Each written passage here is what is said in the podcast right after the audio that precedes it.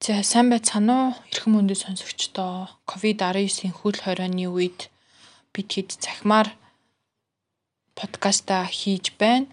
Тэгээ өнөөдрийн подкастт яг энэ хөл хорионы үед сэтгэл зүгээ хэрхэн доктортой байлгах уу? Сөрөг мэдрэмжүүдээ хэрхэн даван туулах вэ? Холын харилцаанд байгаа уулзах чадахгүй байгаа хосууд яах вэ? Бас хөл хорионы үед салчгсан байгаа үед яах вэ? Бас come out хийж тэ өөрийгөө LGBT хүн гэдгээ гэрийнхэндээ ч юм уу дотны хүндээ найздаа хэлчихэж байгаа бол юуг анхаарах уу гэдэг дээр ярилцлаа. Тэгээ та бүхэн подкастаа хүлээн авч сонсноо. LGBT төв хүн бүрт хүний эрх шударгаас нэр төр. Та яг одоо Mongolian Queer podcast-ыг сонсож байна. За сайн байцгаана уу хүндэт сонсогчдоо. Энэ удаагийн дугаарт ковидын үеэр одоо энэ хөл хорионы үеэр гарч байгаа одоо сөрөг мэдрэмжүүд болон одоо хэрхэн даван туулах вэ гэсэн талаар сэтгэл зүйчтэй ярих байгаа. Тэгээ та бүхэн манай подкастыг сонсдог бол өмнө нь 8 сард хосын харилцааны тухай ярилцъя гэд подкастын зочин маань өнөөдөр дахин ирсэн байгаа. Тэгээ сайн байна уу? Цаг гаргаж өнөөдрийн подкастт орж байгаад баярлалаа. За сайн уу? Сайн уу сонсогчдоо баярлалаа намайг асуурч оролцуулж агаад өнөөдөр сая Кенаг хэлсэнчлэн ковидын үеэр стрессээ, төвшүүрээ яаж бууруулах юм? Ер нь яагаад бид нарын бид нарт энэ таламжгүй мэдрэмжүүд үүсээд байгаа юм бэ гэдэг дээр бүгдээрээ ярилцсан. Мэдрэмжээ бүгдээрээ ямар нэгэн байдлаар эерэг, сөрөг гэж одоо оноо өгөхгүй Яагаад гэвэл хүн болгоно л таатай болон таламжгүй мэдрэмжүүд надад ч байгаа. Энд сонсож байгаа бүх хүмүүс ямар нэгэн байдлаар таатай таламжгүй мэдрэмжүүд өдрийн турш холилдон байдаг учраас энэ энэ мэдрэмжүүд нь сайн мэдрэмжий, энэ мэдрэмжүүд нь муу мэдрэмжий гэж ангилах ерөөсөө шаардлагагүй бүгдээрээ л бид нарын зүрхэнд мэдрэгддэг, бид нарын үйлдэлд нөлөөлдөг ийм болохоор тэгэхээр төмөрөө таатай тааламжгүй буюу чамд мэдрэгдэж байгаа тэр одоо мэдрэмжээр нь ангилнаа л гэсэн үг шүү. Тэгээ энэ ковидын үед буюу ялангуяа зөвхөн ковид ч биш бүхий л цар тахлын гинтийн нөхцөл байдлын үеүүдэд хүний сэтгэл зүйд айдас, төгшүүр, стресс өөр ямар гэдгийг хүн болгоны онцлогоос шалтгаалаад тааламжгүй мэдрэгдүүд мэдрэмжүүд мэдрэгдэх нь мэдээж хэвийн зүйл. Яагаад гэвэл бид нарын бид нар магадгүй одоо та э, хөл хорой загалсан санаж байгаа бол гинт өглөө босоод ирэхэд хөл хорой тогтоосон байсан ковид гарлаа гэж бүх юм хаацсан байсан тий бид нарын тэр өдрийн хийвч исэн төлөвлөж исэн уулзалтууд ажлууд сургуулиуд гэх бүх юмуд төлөвлөгөө нь тэр өдрийнх бол ингээл таслагдсан ямар ч боломжгүй болсон ихэнх нь энэ шиг яг бид нарын цаашдаа төлөвлөж исэн үйл ажиллагаанууд болно доо гэж хүлээж исэн зүйлүүд бид нарын хяналтаас гадуур тодорхойгүй байдалд орчиж байгаа. Хизээ ажил орох юм, хизээ ажил бие дээрээ орох юм. Магадгүй ажиллаж байгаа хүмүүст бол хизээ энэ эрчимтэй байнгын ингэж ажиллагаатай байгаа байдал нь хизээ хэв юм болох юм сургуулиас хизээ орох юм? Найзуудтайгаа хизээ уулзаж болох юм? Хизээ би дуртай дэлгүүрлүүгээ яваад шопинг хийж болох юм? Гэх мэтчлэн бүх зүйл бид нарт ямар ч тодорхойгүй байдалд байна. Энэ нь зөвхөн Монгол улсын хэмжээнд ч биш. Дэлхийд даяар дэлхийд даяар цаашдаа улс төрийн байдал яах юм, эдийн засгийн байдал яах юм? Гэх тодорхойгүй байдал байна тодорхойгүй байдлаас өөрөө энэ таагүй мэдрэмжүүд, тааламжгүй мэдрэмжүүд нь биднэрт үүсэх нь илүү их байдаг. Тодорхойгүй байдлаас төгшөөр үүсдэг, юу болохыг мэдэхгүй төгшөөр үүсдэг. Тодорхойгүй байдлаас айдаг, тэгээд стресстэй эхэлдэг. Гэт энэ тааламжгүй мэдрэмжүүд хүн болгонд тодорхой хэмжээгээр үүсэж байгаа. Надад ч гэсэн, Кенад ч гэсэн энэ сонсож байгаа сонсогчд бүгдэнд нь их бага хэмжээгээр энэ тааламжгүй мэдрэмжүүд харилцан адилгүйгээр ялгаатайгаар төрж байгаа. Тэгэхээр хэрвээ тань танд одоо үнэхтэй, ганцаардалтай, уйтгартай, айдастай, төгшөөртэй, санаа зовнилтай байгаа бол энэ чи хэвийн тул гэж бид нар харах нь. Бид нар хүнл болсон хойно энэ мэдрэмжүүдийг ялангуяа энэ тодорхойгүй байдлын үед цар тахлын үед мэдрэх нь өөрөө хэвийн зүйл юм шүү. Та ганцаараа биш. Бид нар бүгдээрээ мэдэрч байгаа хань. Ялангуяа сэтгэл хөдлөлөө хэвийн үеүүдэд хэрхэн эрүүлгээр тогтвордог байсан даламжгүй сэтгэл хөдлөлүүдээ хэрхэн илэрхийлдэг байсан, хэрхэн даван тулдаг байсан гэдгээс нь шалтгаалаад одоогийн нөхцөл байдалд түвшүүрийн хэмжээ нь ямар байна, тэрийгээд хэрхэн даван туулах юм гэдг нь бас харилцаа адилгүй болчихж байна. Өмнөх хэвийн нөхцөл байдлуудад та таламжгүй мэдрэмжүүдээ даван туулахад бүр хэцүү нэлээд танд чармаалж шаарддаг байсан бол одоогийн нөхцөл байдалд танд бүр хүндээ тусчиж магадгүй. Эсвэл та өндөр настай бол хүүхэд бол эсвэл эмнэлгийн ажилтнтай бол өөрөө эмнэлгийн ажил хийдэг бол онцгой байдалд ажилтдаг болч гэдэг юм уу те эсвэл хүнсний дэлгүүр ажилуулдаг болч гэдэг юм уу ийм эрсдэлтэй нөхцөл байдал руу улам ойрхон байх тусам бид нарын энэ тааламжгүй мэдрэмжүүд нь илүү их мэдрэгдэнэ л гэж ойлгож болно. Тэгэхээр энэ бүгд л хэвийн гэдгийг бид нар хамгийн түрүүнд ойлгох ёстой. Та ганцаараа биш бид нар бүгдээрээ л мэдэрч байгаа. Гэхдээ энэ үүргийн биш тодорхой хугацаанд хугацаа хизээ тусахыг бид нар мэдэхгүй байгаа ч гэсэн дуусах нь тодорхой. Тэгэхээр хэсэг хугацааны дараа энэ зүйл ядаж ирчин багсна хөл хорой аажуух нар суларч эхлэх нь тодорхой. Вакцин гарах нь тодорхой. Ингээд буцаад хүн ам дэлхийн дээрээ буцаад хэвийн амьдралынхаа хөвшилт орох нь тодорхой. Хизээ гэдгийг л мэдэхгүй байгаа учраас тэгэхээр энэ таламжгүй мэдрэмжүүд нь үрдийн таны амьдрал цаашдаа тэр чигээрээ юм болчихгүй байх нь гэдгийг санах ёстой. Тэгээд яаж даван тулах вэ гэдэг дээр анхаарлаа хандуулж чадвал бид нар хамтдаа бүгдээрээ энэ таламжгүй мэдрэмжүүдэд ядаж жоохон амжих боломжтой байх нь.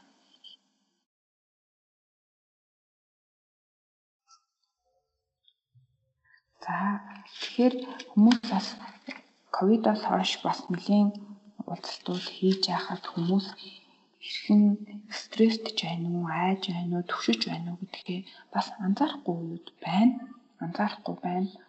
Асуухаар өвөө нэрээ дэж байгаа юм байна штэ гэд тэ бие өөрийн мэдрэмжээ ажиглахгүй үед байна. Ингиж ажиглах нь яагаад чухал юм бэ гэхээр хэрвээ бид нар ажиглахгүй, анзаарахгүй үл томсорлоод энэ мэдрэмжүүдийг яваад л байвал бүр эцтэй энэ таламжгүй мэдрэмж маань бүр том болсны дараа эсвэл бие махбодд маань ямар нэгэн шаналал, шаналал, товнол одоо өвдөлт ирсний дараа бид нар ажиглахаас өөр аргагүй болсны дараа л ажиглаж эхэлдэг гэсэн үг. Тэгэхээр бид нар уулын энэ мэдрэмжүүд эхэлж явах үед арай жижигхэн байх үед нь бид нар эсвэл бүр эхлэхээс өмнө ч гэдэг юм уу арга хэмжээнүүд авчвал тэрийг заавал томруулаад бүр нойр хөдөлт оруулаад эсвэл хоолны туршилт ч юм хэмжээгээр нөлөөсний дараа эсвэл нийгмийн харилцаанд бүр орхоос одоо төвшөөдөг болсны дараа ч гэдэм эсвэл таны ужиг хууч хүчнээс хэрэгсний дараа заавал бид нар арга хэмжээ авч одоо мэрэгжлийн зөвлөгч гэдэг юм уу те эсвэл эмнэлгийн үйлчилгээ сэтгэл зүйч гэдэг юм хүмүүстэй одоо холбогдож холбогдохоос өмнө эхлээд өөртөө хийж болох арга хэмжээнүүдийг авахын тулд ямар ямар шинжүүд танд стресс, түвшүүр, айдас чинь нэмэгдэж байгаа ямар ямар шинжүүдийг мэдэж болох юм бэ гэдгийг ярих чинь. За бид нар санаж байгаа хүмүүс тэгдэг штэ. Стресстгээрээ, санаа зовнил ихсгээрээ хоолоогоор хоол тавхаа болчлоо. Эсвэл унтаж чадхаа болчлоо. гэдэг юм уу? Эсвэл ингээ гэдэс бацлаад байна гэдэг ингээ булчин чанга энэ зүйлсүүд нь бүгдээрээ булчин чанга булчин чангаралтай холбоотой. Хоолойны булчин чангарч байна, гэдэсний булчин чангарч байна. Тарих өөрөө унтаж чадхаа болцсон байна ч гэдэг юм уу? Тэгэхээр бид нарын сэтгэл санааны байдал биеийн бие махбодод ялангуяа хамгийн эхлээд булчин булчинд маань нөлөөлөд байдаг бол бид нар энийг булчингаа эргүүлээд сэтгэл булчингаа чангалж сулалж өөрөө удирдснаар сэтгэл санааныхаа тэр тааламжгүй байгаа мэдрэмжүүдийг арай багасгаж таатайгаар таатай болох боломжтой гэсэн үг. За та булчингуудаа ажиглаад үзээрэй. Тухны тухсгийн булчин чинь чангарсан байна уу? Суларсан байна уу? Ямар нэгэн байдлаар хүчээр өөрөө чангалаагүй байсан ч гэсэн стресс торхоор төгшөөр мэдэрхээр өөрөө ирэхгүй чангацсан байдаг. Хэрвээ тийм байгаа бол та одоо хоёр гараараа хоёр хуруугаараа ингээд дух хөмсөг орчмоо нэг хилээд судлаад өгөөрөө. За нурууныхан булчингаас ажиглаараа хүшсэн байна уу? Яасан байна? Өөрөө ирэхгүй та бүгдээсэн байна уу? Тэгвэл нуруугаа нэг тэнээлгээд Wonder Woman гэдэг шүү дээ. Нэг бааtruуд хоёр гараа ташаандаа аваад эрэмгий зоригтойгоор ингээд зогсдог. Тэгвэл та энэ полыг өөр дээрээ аваад нэг 3 секунд, 5 секунд зогсоод үзтээ нуруугаа тэнэлгээд мөрөө хоёр мөрөө твхийг тэнэлгээд хоёр гараа таацсан дээрээ аваад бэлгүүс хэсэг дээрээ аваад ингээд нэг уушаа тэмүүлж байгаа мэт зогсоод үзтээ энэ зогсолтыг хийхэд аажмар хүнд одоо тата мэдрэмжүүд төрүүлдэг гормонууд баг багаар нэмэгддэг. Тэгвэл өдрийн зарим үеүүдэд бас энэ зогсолтыг хийж өөртөө итгэдэг лээ. Тэр үсэт байгаа тааламжгүй мэдрэмжүүдээ багсгаж болох нь. За гэдэс хөвлийгээ бас ажиглаад үзээрэй. Баг дээрээ чангарсан болчихно чангарсан гэдэг нэг бөөнөрсөн мэт байж магадгүй.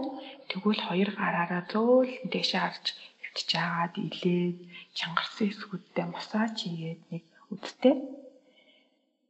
Ихэнх хүмүүсийн хувьд бас ингээ хоёр шүтээ хооронд ингээ тал тавчсан байдаг. Компьютер дээр юм хийж явахдаа, ном уншиж явахдаа ч гэдэг юм хийж явахдаа өөрөө ирэхгүй ингээ хоёр тавчаад дуудсан байдаг. Тэгвэл энэ нас таны булчин чангараад стресстэй түгшээд тааламжгүй мэдрэмжүүд таны бид үүсээ тагаагийн тохионоо тайхна. За хүзүү хөвчлэн бас чангарсан байдаг, хуян хөөрнө гэж ярьдаг, хүзүү хөшин гэж ярьдаг. Энэ мэдчлэнгээр дээшээ харж хөвтөж агаад биеийн хэсэг бүрийн булчингуудыг ажиглаад үзээрэй. Миний булчин чанга байна уу, сул байна уу? Чангалсан байгаа бол тэрийг нь суллах гэж оролдож үзэх юм тийм ээ. Өөртөө массаж хийж үзэж болох нь тэр чангарсан булчингуудаа товших байдлаар суллаж болох нь гих мэтчил та өөрийнхөө биеийг ингээд нэг скан хийгээд үзтээ.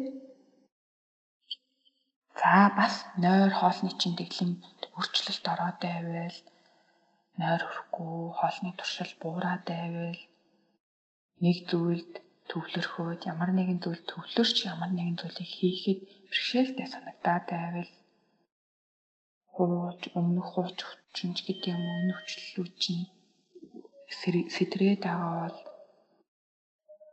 тамиг согтууруулах ундаа гих мэтчлэн тоталтай юм шинжүүд танд ажиглаад ажиглагдаад байгаа бол ялангуяа хүүхдүүдэд жишээс чи ойр орхон хүрээд байгаа бол хүүхдүүд байнга л идэвхтэй идэг штэ. Энэ идэвхэн сулраад байгаа болоос төгшөөр айдас дowсээд байгаа илтгэж байгаа биеийн тохионууд тахнэ За яагаад энэ тодорхойгүй байдлаас болоод бид нарын бид нарт одоо энэ юмнууд үүсээд байгаа юм бэ? Гэхээр тодорхойгүй байдлуудаа ажиглавал бид нар санхүүгийн хувьд тодорхойгүй байна. Хизээ одоо ингээ онлайнаар ажиллаж байгаад магадгүй цалин өгөхгүй уу, өгөх юм уу ч гэдэг юм уу те? Зарим хүмүүсийн бар, ресторан, үйлчилгээний төвүүд гэл ихэнх бизнесүүд зогссон байна шүү дээ тий. Тэгэхээр санхүүгийн байдлаас болоод хүмүүстээс стресс үүсэж байгаа ах нь эрүүл мэндийн байдлаас болоод бас стресс үүсэж болно. Би ковид тусчих болов уу, болов ч гэдэг юм уу тий. Эсвэл өөр эрүүл мэндийн шалтгаанууд, ажил, сургууль гэх мэтчлэн энэ олон шалтгаануудаас болоод энэ бүгд тодорхойгүй байдлаас болоод бид нар саяны стресс түвшүүрүүд үүсээд стресс түвшүүрүүд маань бие дээр чинь хэрвээ та сэтгэл санаагаа ажиглаж чадахгүй байгаа бол бие дээр чинь аль хэдийн ийм тохионууд ирсэн байж болох юм аа гэдэг өөрийгөө ажиглаад үзээрэй гэж байгаа юм шүү.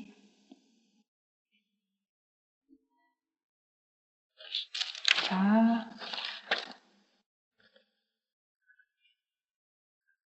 За бид нар тэгвэл энэ сая бие ажиглаад сэтгэл санаагаа ажиглаад утсан чинь тэгэхээр таны сэтгэл санаа нь таламжгүй мэдрэмжүүд, стрессүүд, төвшөөрүүд үүсэж байгаа бол юу хийж яаж болох вэ?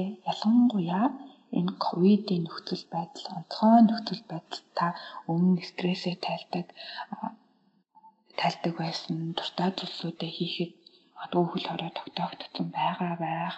Өмнө яг хийдэг байсан зүйлээ энэ нөхцөл байдалд дуурайгаад яг тэр хэвээр нь хийхэд магадгүй асуудлууд үүссэн байж болно.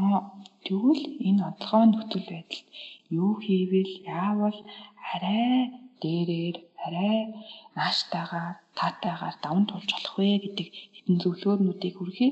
Гэхдээ миний энэ өгж байгаа типүүд нь яг тань дээр аваад хэрэглэхэд бас боломжгүй байж магадгүй. Тэгвэл өөр дээрээ бас яаж хувираж хэрэгжилж болох вэ гэдгийг сайн бодороо. За, найз нөхөд гэр бүлийнхэндээ анхаарал тавьж болно. Сошиал дээр хүмүүс тэгж юм л да гэрийнхэнтэйгээ танилцлаа. Зарим хүмүүс энэ нөхцөл байдалд бараг атны юм боллоо ч гэдэг юм уу те яг тийг санагдаагүй л ахал та гэхдээ бас тийм илэрхийллүүд гарч байна гэрээндээ цаг хугацаа гаргах юу нөхцөл бүрдлээ хүүхдтэйгээ хичээлийг хийхэд давуу тал үүслээ ч гэдэг юм уу бас эргээр хальт бодож байгаа юмудаа сошиалд илэрхийлж байна. Тэгвэл та бас найз нөхөд гэр бүлийнхэндээ анхаарал тавьж болох нэ тэд нартайгаа цагийг өнгөрөөж болох нь ярилцаж болох нь үсээд байгаа энэ таны зүрхэнд ямар ямар мэдрэмжүүд үүсэж байна. Татайж ажиллана таламжгүйж ажиллана тэр мэдрэмжүүдээ найзуудтайгаа гэр бүлийнхэнтэйгаа та хэнийг татнэ гэж боддیں۔ Тэр хүмүүстэйгээ хуваалцаж болох нэ. Гэхдээ найз нөхдөгөө гэр бүлийнхэндээ анхаарал тавьж байна гэд ялангуяа э, одоо олон хүүхэдтэй эмэгтэйчүүд эрэгтэйчүүд ч гэдэг юм уу те энэ хүмүүс маань энэ үеүүдэд өөртөө анхаарал тавихаас тавхнаас багасаад ах шиг байна. Тэгвэл өөртөө бас та яаж анхаарал тавьж байж анхаарал тавьж юу хийж болох вэ гэдэг энэ өөрийгөө болон дотны хүмүүсээ анхаарах анхаарлаа тэнцвэртэй байдалд хадгалахыг бодороо. За тэгээ биеэр уулзах боломжгүй найз нөхөд, ажлын хамт олон, сургуулийн хамт олон ч гэдэг юм уу тийм ээ. Энэ тайртай дотны хүмүүс маань таны гэр бүлд байгаагүй бол тэр хүмүүстэйгээ видео чат хийх, дуудлага хийх гэх мэт өөрийгөө нийгмээс тусгаарлагдаад байна гэсэн тусгаарлагдсан мэдрэмжээ бууруулах боломжтой маа. Бусад хүмүүстэй ярилцахыг яагаад зөвлөд байгаа юм бэ гэхээр бусад хүмүүстэй ярилцах тусам аа энэ мэдрэмж чинь бүхэл хүмүүс төрж байгаа юм байна гэдгийг бид нар хүмсүүгээр ойлгож мэдэрчээдэг. Энэ байдалд бүх хүмүүс байгаа юм байна. Бүх хүмүүсийн санхүүгийн байдал ч гэдэм үү бүх хүмүүсийн амьдралд нь тодорхойгүй байдлаар үүсэж байгаа юм байна гэдгийг ярилцах явцдаа бид нар ухаарч ойлгож идэгөө гэсэн үг.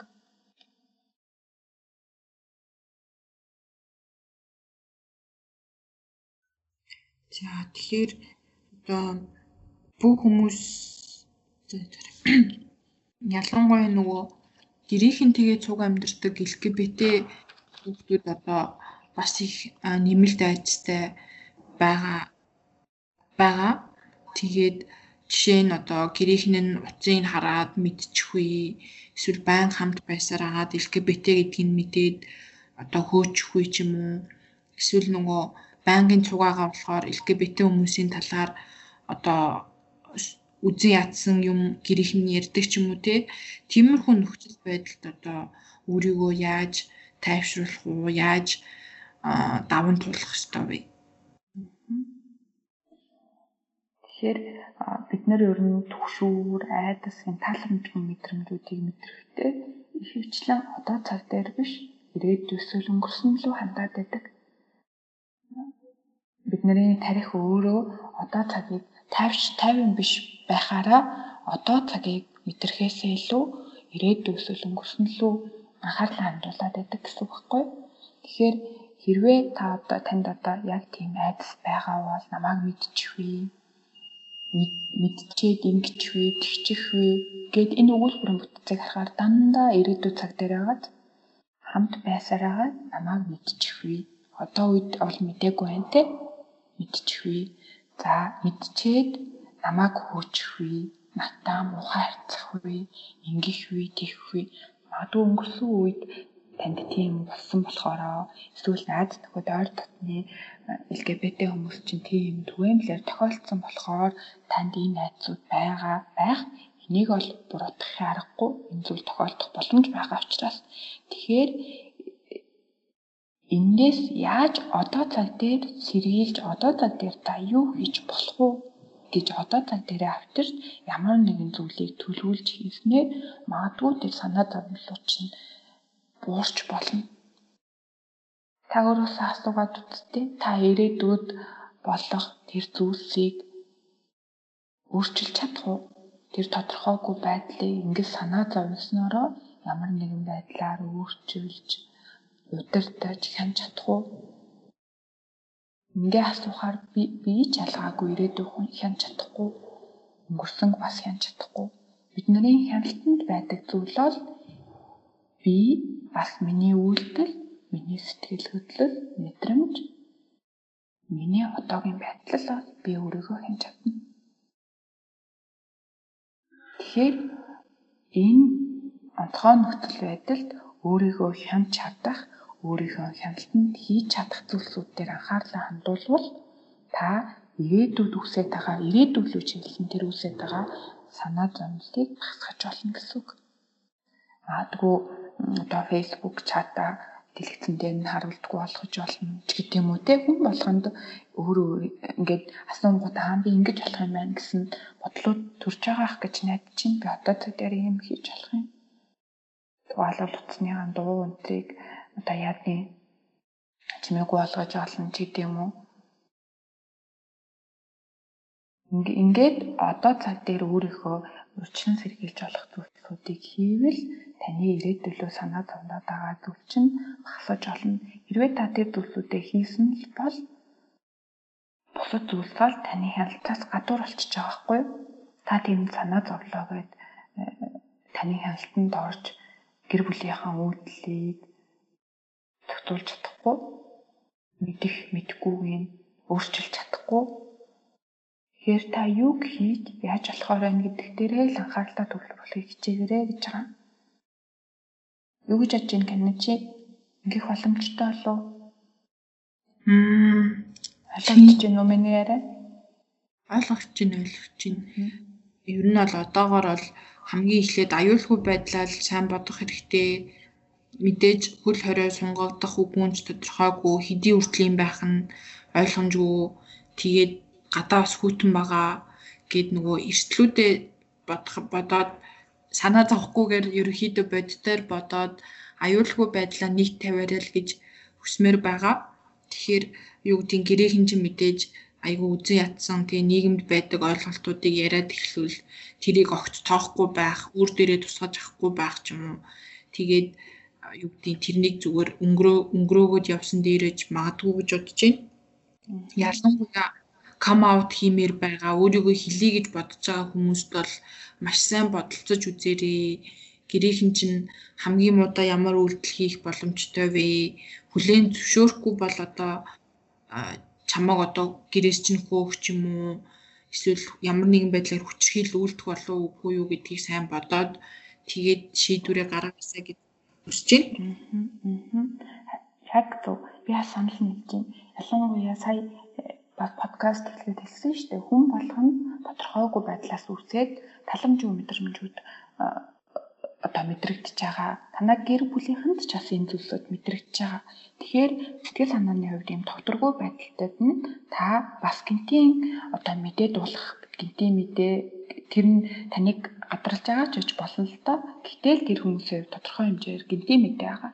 Энэ зүйлсүүдийг дуулгах нь бас нөгөө хүмүүс ч өөрийгөө хянахгүйгээр хумсартай бишээр үл гаргахад илүү одоо боломжтой вэ гэсэн аахгүй гэвэл сэтгэл санааны байдал нь угаасаа тогтворгүй байгаа.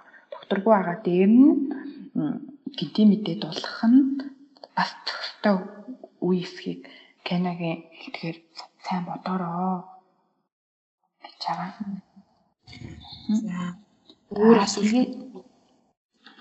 Тэгээд би бас даван туулахдаа дахиад хэд хэдэн зүйлсүүдийг нэмж хэлэх гэсэн. Даван туулах. За найдвартай их сурвалжаас мэдээлэл авах гэдэг нь маш чухал байгаа.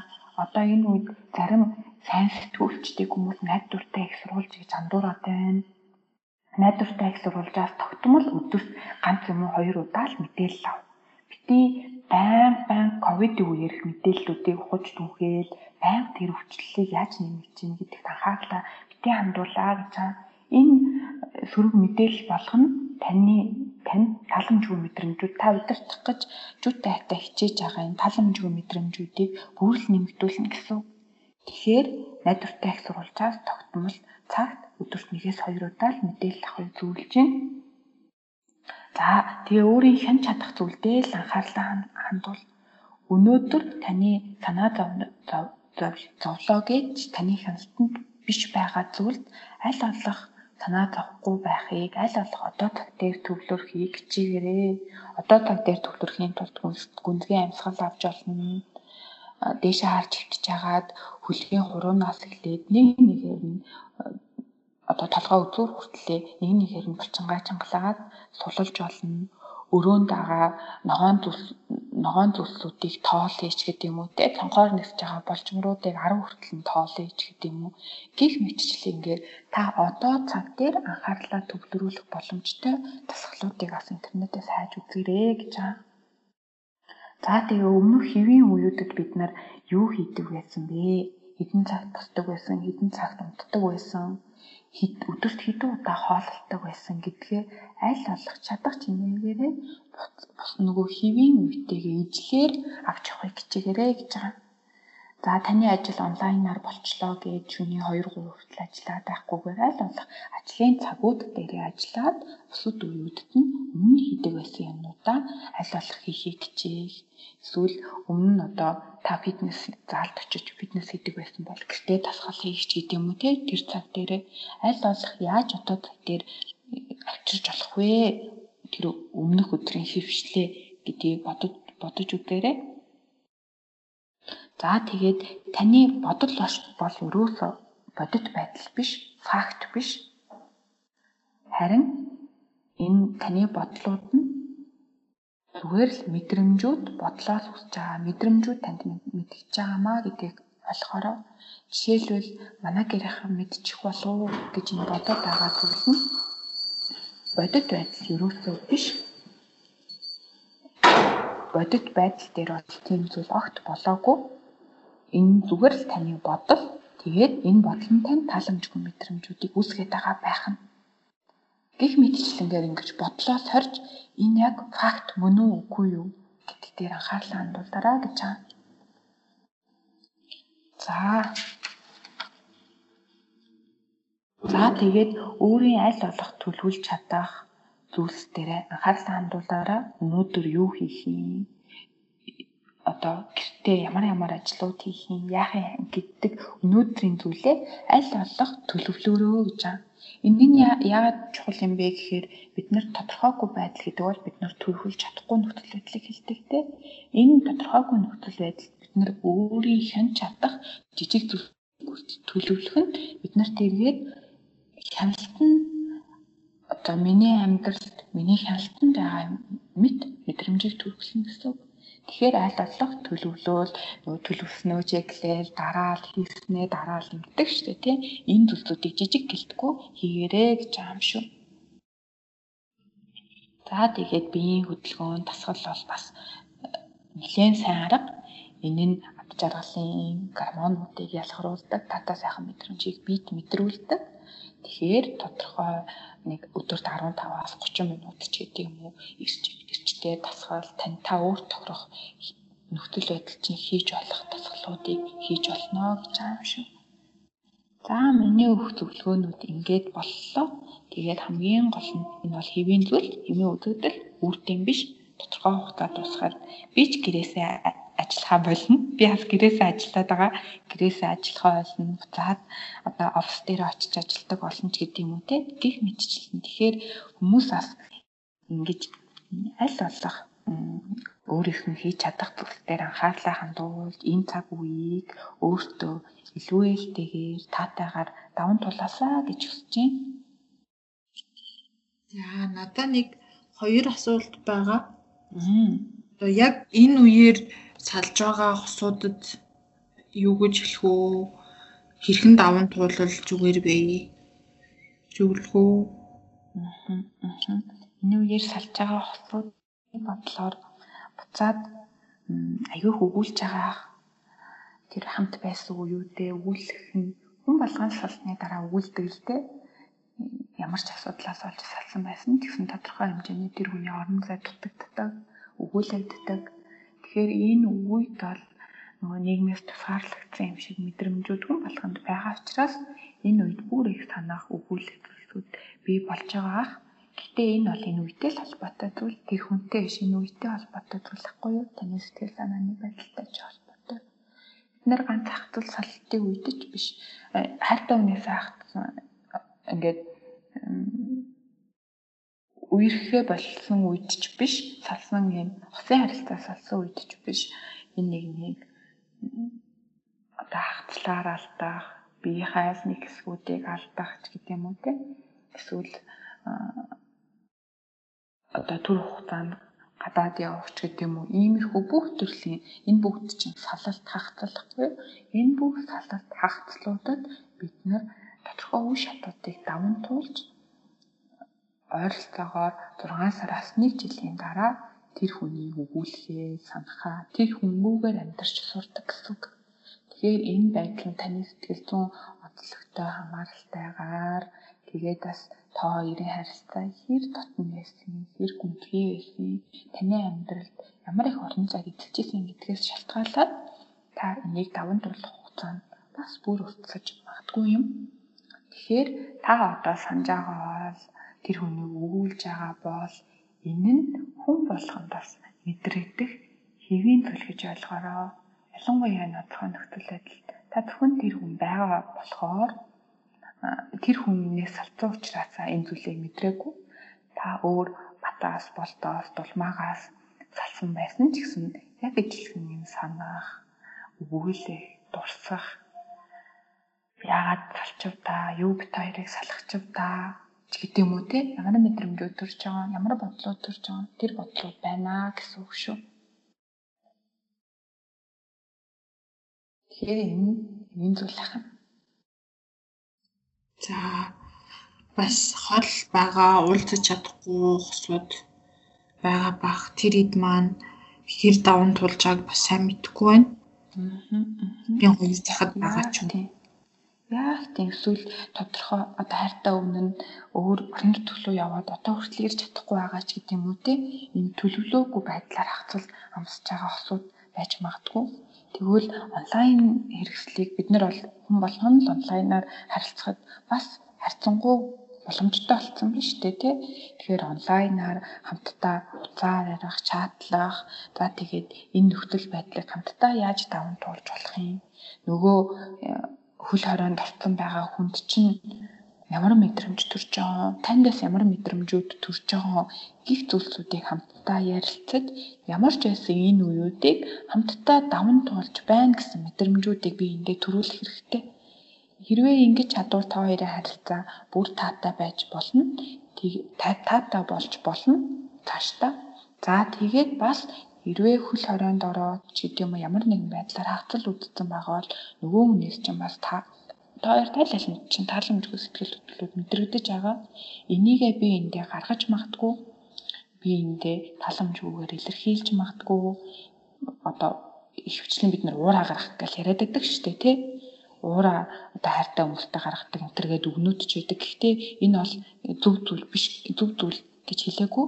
Энэ бол аль болох ийм нөхцөл байдлуудад өөр төрчүү тааламжгүй мэдрэмжүүдээ бас эргээр нөгөө хайртай дотны хүмүүстэй охиролгүйгээр ямар нэгэн байдлаар тэр хүмүүстээс өвдөлт мэдрүүлэхгүйгээр илэрхийлээрэ гэж байгаа. Энэ зүйлсүүд нь л өөрөө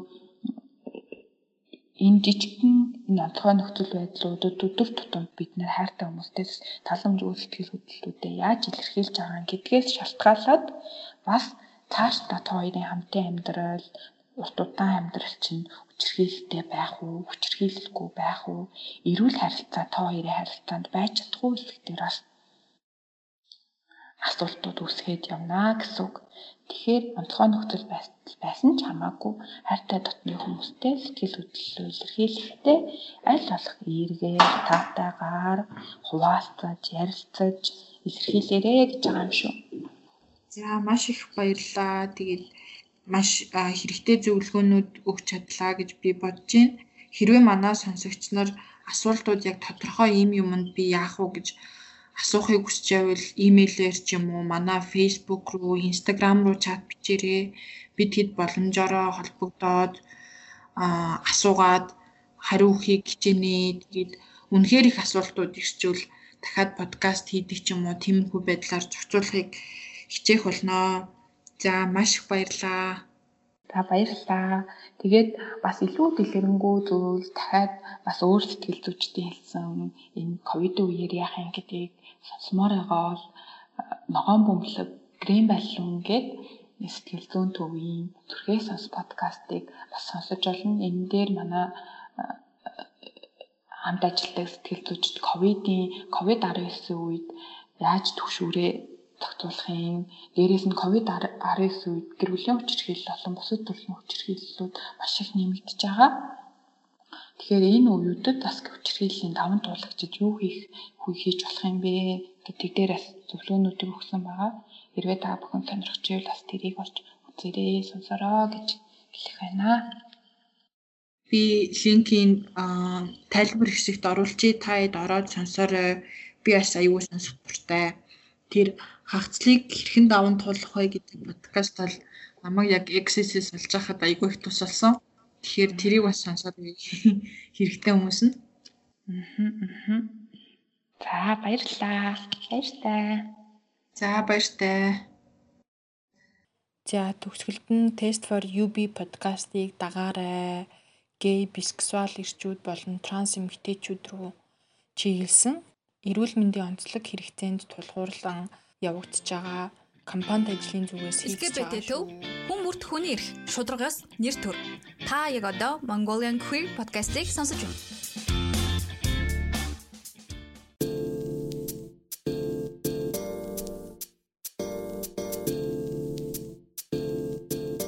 Test for you.